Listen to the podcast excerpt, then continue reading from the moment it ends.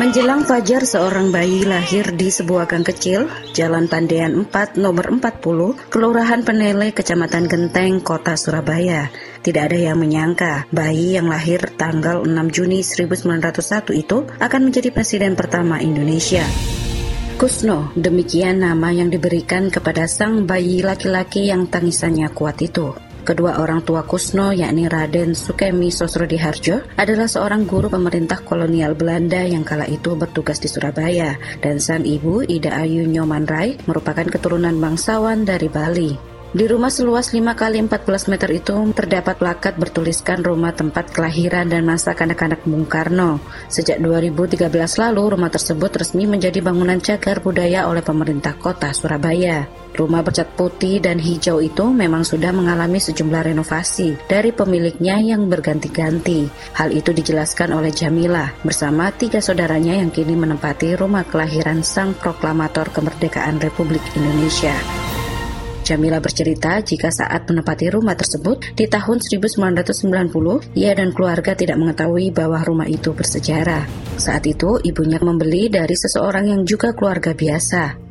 Sebelum resmi menjadi cagar budaya, Jamila ataupun saudaranya kerap kali harus menjelaskan kepada seseorang ataupun kelompok pencari sejarah yang datang silih berganti ke rumahnya untuk meminta cerita mengenai sejarah rumah tersebut. Tidak jarang ia sekeluarga lelah saat menerangkannya sebab mereka pun tidak mengetahui detailnya. Namun Jamila memastikan saat menempati rumah tersebut tidak ada satupun peninggalan barang bersejarah kita tangan keempat. Hmm. itu sama ibu sama hmm. kakak. Tapi kakak udah meninggal ibu udah meninggal. Tinggal kami berdua sama kakak saya laki-laki. Nggak di sini ya.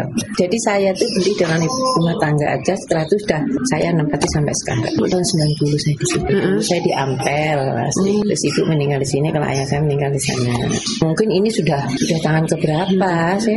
Kalau aslinya dulu sih saya dengar-dengar ya gubuk gitu. Hmm. ada seneng ada sedih. Hmm. sedihnya tuh ya kalau menolak kita juga nggak enak. Hmm. kita terima pas waktunya tidur itu tidak ada pemberitahuan hmm. mau geruduk ke sini. Dan lagi saya bilang apa yang dilihat gitu loh. Jadi otomatis kan rumah ini tidak bisa apa ya kalau kita rumah tangga itu kan eh, istilahnya itu seadanya. Iya. kadang kita bersih bersih kadang enggak. Lah kalau kita nggak ada ada orang ah rumahnya kumuh rumah gini. Dan namanya rumah ini kan rumah pribadi. Kalau emang rumah ini sudah di cagar budaya kan rapi Sudah, terus gitu kan ya harap maklum saya bilang gitu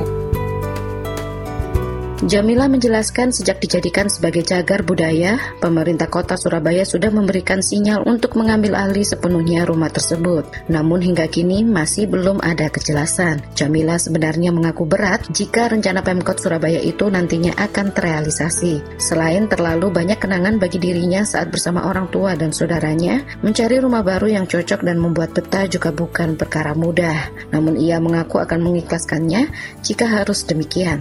Memang sebetulnya sudah mau ya kalau nggak 2020 2020 pokoknya hmm. karena ada ini hmm. kita juga maklum kan pertemuan tidak tidak bisa hmm. tidak bisa kan jadi kita maklum ya, hmm. ya doakan ya. aja mudah semuanya nggak apa-apa tuh kalau misalnya ibu pindah dari sini misalnya kalau harus di sebetulnya sebetulnya ya mbak ya namanya rumah ini juga ada sejarahnya dengan Tuh. ibu dengan saudara gitu kita juga nggak tahu tiba-tiba ini dibilang ketemu kelahiran dan kita harus diambil alih dibeli lah istilahnya mm-hmm.